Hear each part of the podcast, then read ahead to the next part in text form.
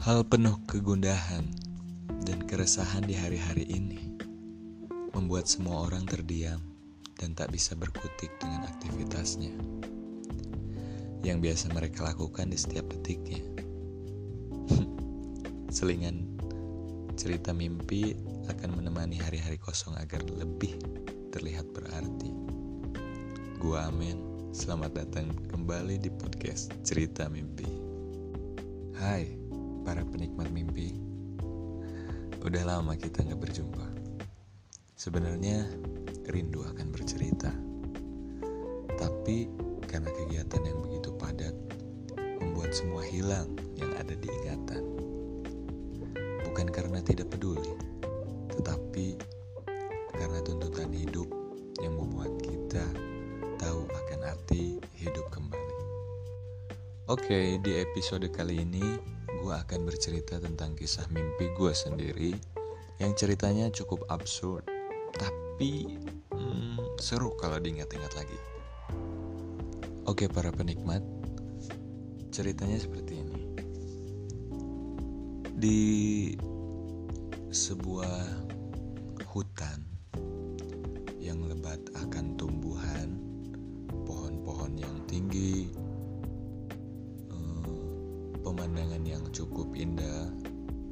sejuk.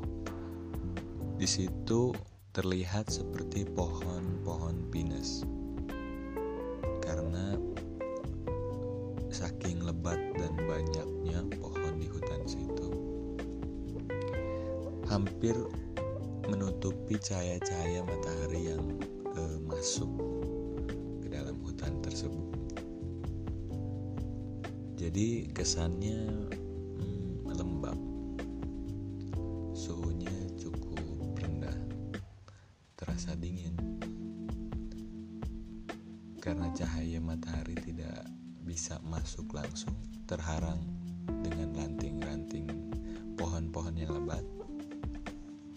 membuat suasananya semakin wah. Ini yang dinamakan dunia, kelestarian, keindahan yang jarang kita temui. Di dalam cerita ini, gua sebagai pemimpi bukan berpen, bukan berperan penting. Bisa dikatakan bukan pemeran utamanya di sini. Melainkan ada tokoh pemeran-pemeran di dalam cerita ini yang perannya lebih kuat dari gua sendiri yang punya ceritanya. Yang gua udah sebutin tadi karena ceritanya cukup absurd, jadi eh, dibilang kok pemimpi tidak bisa jadi pemeran utama oh jelas. Bahkan kalian juga pasti mengalaminya. Di dalam cerita gua hanya sebagai uh, pelihat bukan pelihat apa? Penikmat ya. Di situ alur ceritanya bagaimana? Gua hanya melihat sebagai penonton lah ya viewersnya oke di situ gua sebagai penonton menyaksikan ada sekelompok orang. Sekelompok orang ini menjalankan aktivitasnya di dalam sebuah hutan, dan dalam sebuah hutan itu berdiri sebuah bangunan-bangunan menjadi tempat tinggal mereka. Di situ terdapat orang-orang yang bekerja sebagai macam-macam. Ada yang sebagai ahli besi, ada yang sebagai petani, ada yang sebagai pemburu, dan banyak lainnya. Di situ, gue melihat ada orang yang aktivitasnya selalu mengasah pedangnya.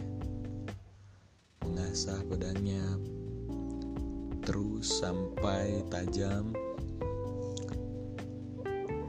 orang itu hanya menyediakan senjata-senjata yang untuk dipakai gitu lah ya. Gue nggak tahu uh, cerita yang kompleknya gitu ya. Pokoknya si orang ini menyediakan senjata-senjata untuk para pemburu. Nah pemburu di sini dia bekerja uh, turun ke hutan menangkap hewan-hewan liar termasuk babi hutan termasuk anjing liar. Ditangkap untuk ya bisa dibilang sebagai makanan orang-orang yang ada di situ.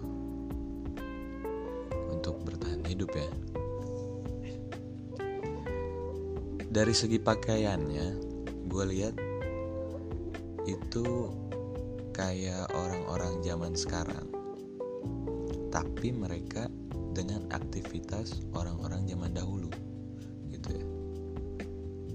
Mereka pakai jaket kulit mereka pakai sepatu boot sepatu uh, hiking juga dan macam-macam lah. Dari gaya stylish rambutnya dari gaya fashionnya yang tadi gue sebutin itu mencirikan orang-orang zaman sekarang. Tapi dalam kehidupan orang-orang zaman dahulu yang peradabannya masih dibilang tidak modern ya. Dari segi pekerjaan dan kehidupannya pun ya dibilang orang dulu bisa. Nah dari kisah yang paling gua ingat di sini ada satu orang laki-laki yang mengenakan baju oh baju kaos warna hitam dibalut dengan jaket kulitnya. Kayaknya kayak jaket kulit riding gitu ya. Dengan slayer yang berwarna merah lalu memakai sepatu boot dengan celana jeansnya kalau kalian bisa bayangin para penikmat ini orang keren banget dengan gaya brewoknya dengan cukuran stylish rambut yang klimisnya, dia selalu membawa tongkat. Untuk apa? Sebagai pemburu. Dia tidak memakai senjata tajam. Dia berburu dengan tongkat yang eh, dia apa namanya? Oh, tajam juga sih. Dia balut pakai paku-paku yang ditancapkan ke tongkatnya itu untuk memukul hewan-hewan yang yang dia akan buru. Nggak pakai panah dia nggak pakai pedang. Di sini dia eh, berangkat. Dan gue nggak tahu aktivitas di luarnya kayak gimana. Ceritanya dia langsung udah balik lagi dia gendong uh, apa namanya hasil buruannya itu rusa gitu lah ya tapi kecil. Sebesar gimana ya digendong di pundaknya sambil berlumuran darah di kepalanya. Sama yang anehnya yang gue anehnya itu tanduknya itu banyak banget.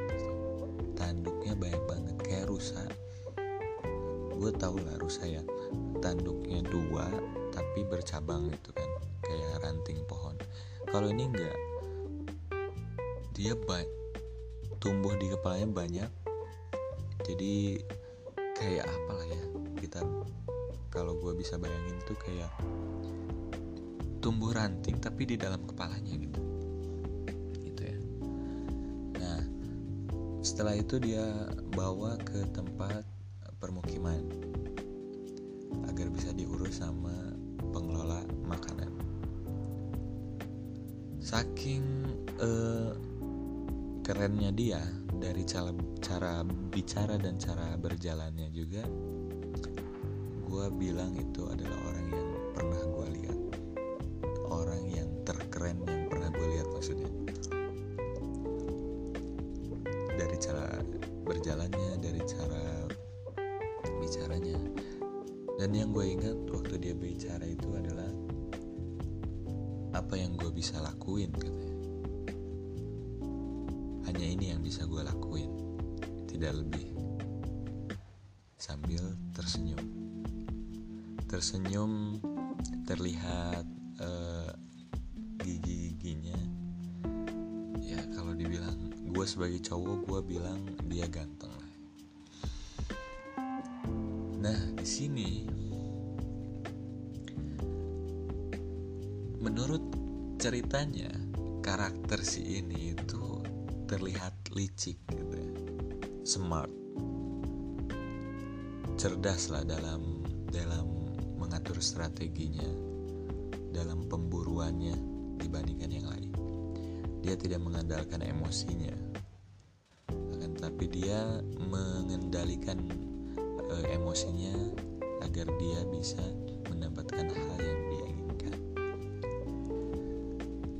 Singkat cerita ada juga tokoh pemeran perempuannya yang berambut pendek cukup tinggi badannya. Dia berpenampilan uh, amburadul. Masih pakai baju kaos hitam lengan panjang terus dengan celana panjangnya juga disertai sepatu hiking gitu ya yang buat naik gunung gitu. Di situ terlihat amburadul tapi dari parasnya gue nilai dia cantik. Gue nggak bohong dia cantik. Kalau di dalam mimpi gue telah melihat orang-orang dengan muka-muka yang asing itu adalah pengaruh mimpi, pengaruh pikiran kita ketika kita di dalam kehidupan nyata. Mungkin selewat gue pernah lihat orang ini atau e, campuran dari orang-orang yang pernah gue lihat jadi satu buah bukan satu buah ya jadi seorang karakter gue ciptakan dari pikiran gue sendiri akan tetapi sebenarnya manusia itu tidak bisa menciptakan yang namanya pemikiran uh, sebuah pemikiran yang menciptakan suatu hal yang tidak pernah kita lihat sebelumnya. Kayak gitu ya. Contohnya nih, lebih uh, simpelnya kita tidak bisa menciptakan wajah manusia dari pikiran kita sendiri. Kecuali kita sudah melihat sesuatu tersebut atau wajah-wajah yang kita pernah lihat di jalan atau di mana gitu ya. Lalu terpikirkan dan teringat kembali di dalam otak kita, maka terciptalah wajah tersebut. Nah, entah di mana gue lihat, entah di mana gue uh, bertemu sama orang ini, tapi dia bisa masuk ke dalam pikiran gue, dan terciptalah tokoh yang ada dalam cerita mimpi gue ini yaitu dia. Singkat cerita dia itu berjalan menghampiri wanita yang gue sebutkan tadi berbicara panjang lebar yang gue ingat itu adalah mereka ber mencurahkan hati isi hati mereka dan pikiran mereka satu sama lain. Yang terdengar keluh kesahnya tentang tentang kekasihnya tentang anaknya. Kalau si laki-laki ini mengeluhkan tentang istrinya yang sudah mati karena kanker. Kalau si wanita ini mengeluh kesahkan tentang anaknya yang sudah tumbuh dewasa, remaja, ya gue nggak ngerti ya ini si si wanita ini e, mukanya muka muka masih muda, nggak kelihatan ibu-ibu, nggak kelihatan udah tua, tapi punya anak, punya anak yang sudah remaja. Ya namanya juga mimpi ya. Nah di situ anaknya tidak pernah mengakui dia sebagai ibunya. Ya mungkin ya kalau dari sisi lucunya mungkin anaknya ngelihat gue nggak bisa diginiin. Ibu gue lebih cantik dari gue gitu kan. Gue nggak terima mungkin gitu. Dari sisi lucunya. Pokoknya dari inti ceritanya mereka gue nggak tahu kenapa anaknya ini tidak mengakui dia sebagai ibunya. Dan istilahnya ibunya kecewa pada anaknya. Gue udah gede-gedein gue udah rawat gue udah kasih uh, air asi gue urus sampai dia sebesar ini dan sudah besar dia tidak bisa mengakuinya. Dan di situ mereka sudah mengeluhkan kisah-kisah mereka cerita-cerita yang mereka sudah lewati. Terjadilah uh, sebuah adegan di mana mereka berciuman. Mungkin uh, apa ya?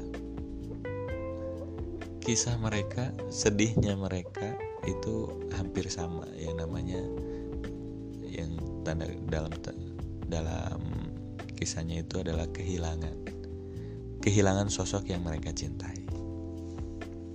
Maka mereka berciuman lalu adalah adegan yang seperti itu yang gue lihat. Dan selanjutnya ketika mereka sudah selesai gue melihat mereka berjalan ke gubuk bukan gubuk apa ya rumah terlihat kecil, sudah usang, kayak gudang gitu, cuman kayak kalau gue lirik-lirik lagi kayak dan ingat-ingat lagi kayak gubuk gitu ya. Tapi ada pintunya, ada jendelanya kecil. Mereka berjalan menuju situ. Berjalannya tidak berdampingan akan tapi si wanita tersebut berjalan terlebih dahulu lalu diikuti sama si laki-laki ini. Setelah itu mereka menghentikan perjalanannya, menghentikan langkahnya lalu mereka berbicara lagi. Yang gue inget nih, mereka ngomongnya seperti ini. Si si cewek ngomong gini.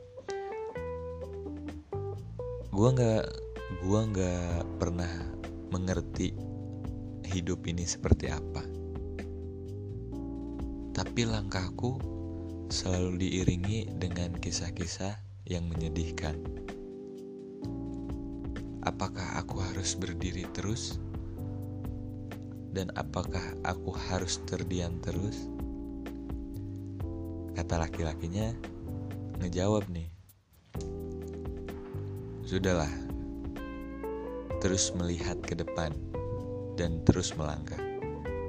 Nah, setelah itu mereka melanjutkan langkahnya menuju ke gubuk situ. Sudah menuju ke situ, dia si cewek ini membuka pintu dari rumah itu. Setelah dibuka, dia ngeliat e, seisinya, tapi masih di depan pintu dan masih megang pintunya. Masih megang gagang pintunya ya.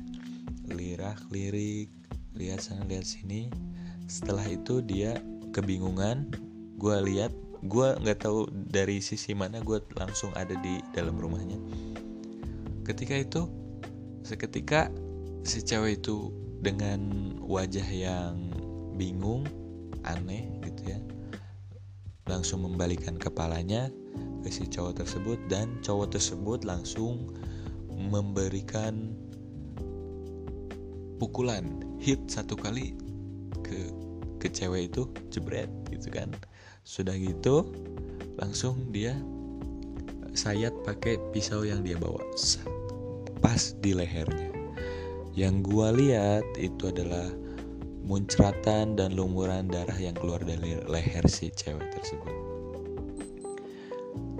Gua kaget kan di situ bukannya dia udah istilahnya ada ikatan cinta karena uh, kisah-kisahnya yang sama yang dia udah yang mereka udah ceritain waktu sebelum perjalanannya ke menuju ke gubuk situ. Dan ketika itu si cewek langsung jatuh langsung si cowok memeluknya si cowok ngomong kayak gini kamu harus terus tenang kamu harus terus berjalan biar semuanya hilang. Itu yang gue ingat.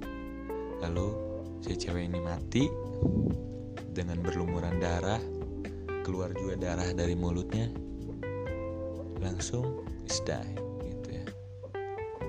Gak lama kemudian scenes-nya itu berganti pas langsung gua di daerah perkebunannya. Gue nggak tahu kenapa langsung di situ si cowok ini bawa-bawa karung. Karung goni gitu ya. Udah gitu dia lemparin karungnya ke warga sekitar. Pas warga yang menghampiri ke situ semua warga melihat ya. Pas dia buka adalah kepala si cewek yang tadi dia bunuh. Dan ceritanya selesai karena azan subuh sudah berkumandang. Gue terbangun dari situ dan gue masih belum bisa mengingat kembali mimpi-mimpi yang gue alami uh, tadi malam gitu ya. Nah di situ mulai siang gue inget-inget lagi gue gue mimpi apa ya semalam ternyata mimpinya seperti itu. Dan gue nggak tahu arti mimpi tersebut.